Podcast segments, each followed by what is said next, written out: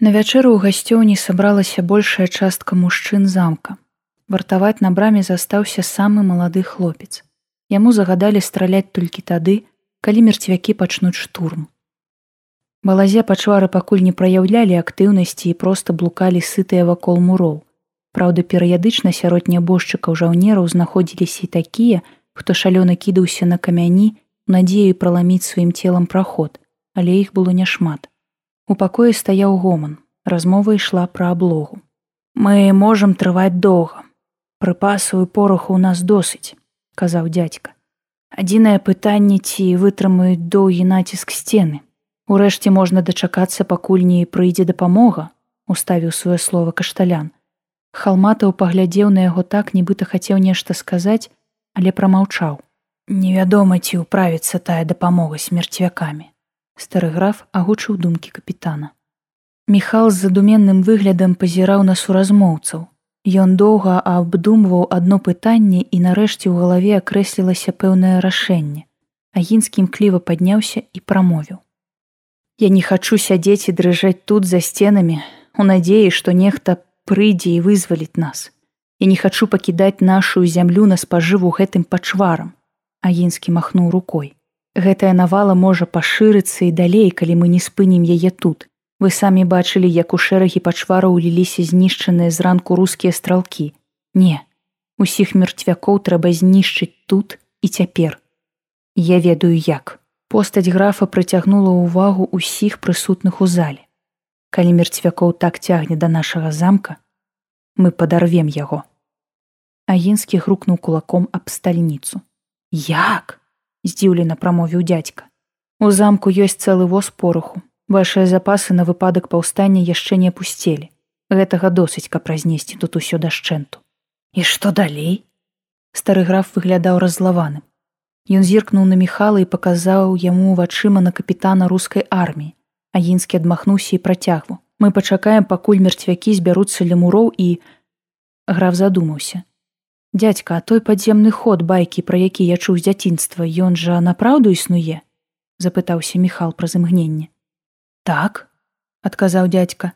Тунель пачынаецца ў схованцы там, дзе зброя і вядзе да ўзлеску, але ж ім даўно ніхто не карыстаўся. Нічога, мы праверым яго. Я так разумею, Михайле, ты хочаш, каб мы схаваліся ў падземным ходзе і падарвалі муры? Так, Андрэ Завагінскі. Каля замка цяпер знаходзіцца большая частка пачвар. Калі знішчыць іх выбухам, то зрэштай можна справіцца звычайнай зброяй. У пакоі усталявалася насцярожанае маўчанне. Я падтрымліваю ідэю графа. Халматаў падняўся з месца. Ад моцнага выбуху каменне з муроў будзе біць не горш за гарматныя ядры. Міхал мае рацыю. Таксама падняўся ясінскі. Следам за ім пачуліся іншыя галасы ў падтрымку міхалавай прапановы. Добра, няхай будзе так. Гучна прамовіў стары граф. Тады не будзем марудзіць, Міхал выйшаў за стола. Мужчыны пакінулі палац і накіраваліся да стайні. Тут у куце побач з возам было складзена шмат зброі з рыштункам, якую вынеслі са схованкі па загадзе дзядзькі. Памяшканне ператварылася ў невялікі арсенал. Дядзька запаліў свяцільню і прайшоў скрозь шэрагі стрэльбаў да спуску падзямелля. Хлопцы рушылі за ім следам. Унізе ля далёкай сцяны стары граф адхінуў непрыкметную завесу і асвятліў ліхтаром невялікія драўляныя дзверы. Вось ён ход, прамовіў дядзька і адчыніў створку. Памяшканне напоўнілася сырым пахам затхласці. Казімір наблізіўся да цёмнага праходу і зазірнуў унутр. Я праверу, як далёка ім можна прайсці. Ясінскі запаліў сваю свяцільню ад дзядзькавай і ступіў у цемру. Добра, сказаў Міхал і паглядзеў у кут, дзе стаяла гармата. Хлопцы, я думаю, гэтая штука нам яшчэ спатрэбіцца, ці не закаціць яе ў ход. Мужчыны ўзяліся за працу. Неўзабаве амаль усе бачуркі з чорным парашком былі складзеныя ля стойлаў. Гармата і дзве вайсковыя торбы з порахам для яе засталіся ў падзямеллі. З французскай фурманкі знялі палатняны верх і выкацілі на сярэдзіну стайні. Воз быў напоўнены такімі ж бачуркамі. Капітан прысвіснуў, пабачыўшы колькасць выбухоўкі. Ён падняў драўляная вечка адной з бондаў, узяў пальцамі дробку пораху і паклаў на язык добрая сумесь Халматаў нядобра усміхнуўся. Выбухоўкі тут хапіла б нават усё маладэчна падарваць. Агінскі загадаў раздзяліць запасы на чатыры роўныя часткі і паступова пераносіць іх да муроў замка. Неўзабаве з падземнага ходу вярнуўся ясінскі. Казікаў шынель пакрыўся плямамі бруду, а ў валасы набілася павуцінне. Прайсці можна, расказаў ён міхалу. Ёсць праўда некалькі вузкіх месцаў, але нічога страшнага. Я нават выбраўся вонкі ля лесу. Пачвару там няма. Добра, скажы жанчынам, каб збіралі рэчы, загадаў граф. А я займуся зброяй. Трэба пакінуць яшчэ колькі тузінаў стрэльбаў з набоямі ў тунэлі, каб было чым дабіваць мерцвякоў. Міхал накіраваўся да спуску ў схованку, стаў на лесвіцы і азірнуўся.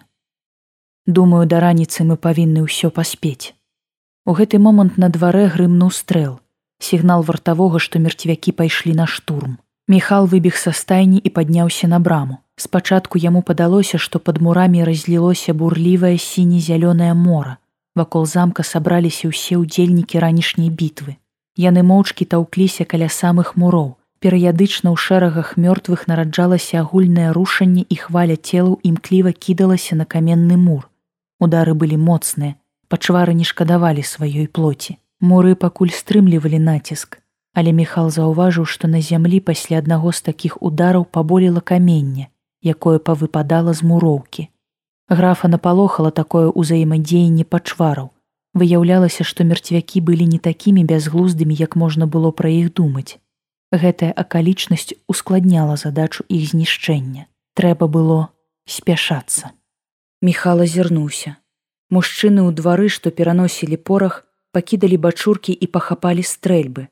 Два чалавекі ўзняліся на вежу і прыцэліліся скрозь байніцы ў натоўп нябожчыкаў. Хлопцы, не варта страляць, гэтым іх надоўга не спыніш, пракрычаў Михал. Трэба як мага хутчэй падарваць замак. Пакуль агінскі спускаўся з брамы, хваля мерцвякоў з новай сілай накаціла на паўднёвы мур замка. Удар быў настолькі моцны, што яго адчулі і ў палацы.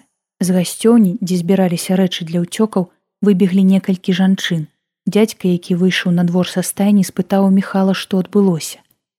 Мерцвякі б'юць дядька адводь каго можна ў тунэль хутка прамовіў михал зараз будзем падрываць граф прыхапіў вялікую бонду пороху і панёс яе да заходняга мура. Тут каля кубкі бачурак стаяў халмату і прымацоўваў да іх кнот.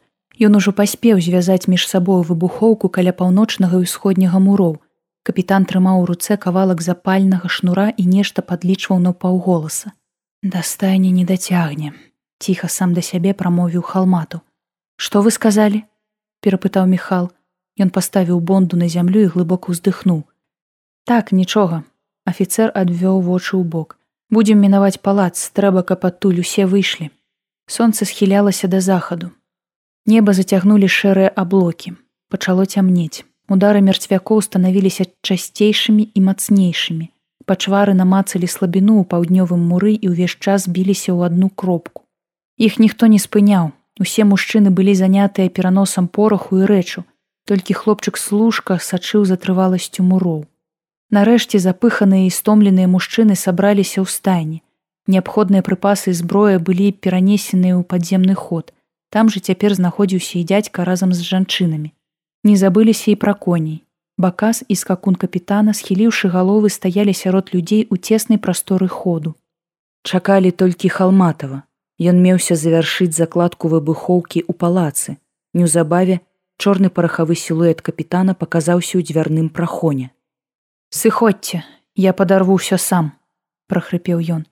Як мы ж можам зрабіць гэта з тунэля? здзівіўся Михал. Не, кнот за кароткі уздыхнуў капітан.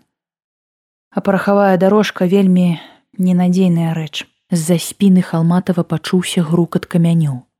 Відаць, мерцвякі праламілі мур. Сыходзьце, пракрычаў капітан і зачыніў дзверы стайні. Міхал кінуўся быў за ім следам, але нехта затрымаў графа за плячо. Не трэба, пане. Ён ведае, што рабіць. Брудны твар ясінскага быў амаль небачна ў змроку. Міхал азірнуўся і кіўнуў галавой. Мужчыны шпарка спусціліся ў схованку. На ўваходзе ў падземны ход утварылася штурханіна. Прахон быў надта вузкі, і тым не менш людзі хутка праціснуліся ўнутр.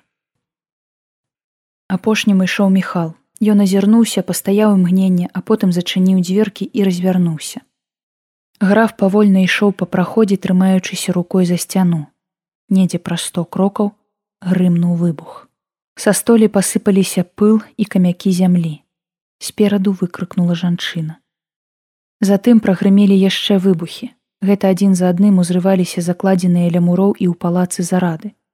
Туннель склынаўся ад штучнага землятрусу. Здавалася яшчэ трошкі і не вытрываюць перагародкі.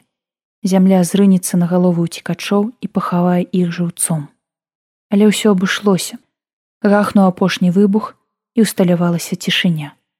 Міхал з палёгкай удыхнуў сырое паветра. Калі людзі выбраліся з тунеля на ўзлесак, замак гарэў на поўную моц, асвятляючы наваколле нежывым барвовым агнём. У вечаровае неба ўздымаліся клубы дыму, захінаючы сабой першыя зоры. Поле перад замкам было чыстае. Прынамсі, Міхал пакуль не заўважыў ніводнай фігуры, якая б стаяла на дзвюх нагах. Людзі на ўзлеску радаваліся свайму ўратаванню. Мужчыны выводзілі сходу спалоханых коней і выцягвалі прыпасы. Міхал узняў угару дзядзькаву падзорную трубу і ўзяўся аглядаць рэшткі замкавых муроў. Па спіне графа прабег халадок. Калі сярод разбітага камення ён заўважыў рухі. Частка мерцвякоў перажыла выбух пакалечаныя, хто без рук, хто без ног, яны ўсё адно былі небяспечныя для жывых людзей. Казік янка хлопцы, прамовіў агінскі і падышоў да зброі. Граф заткнуў запас дзве набітыя пістолі і ўзяў адну са стрэльбаў састаўленых у радок. У нас на сёння ёсць яшчэ праца.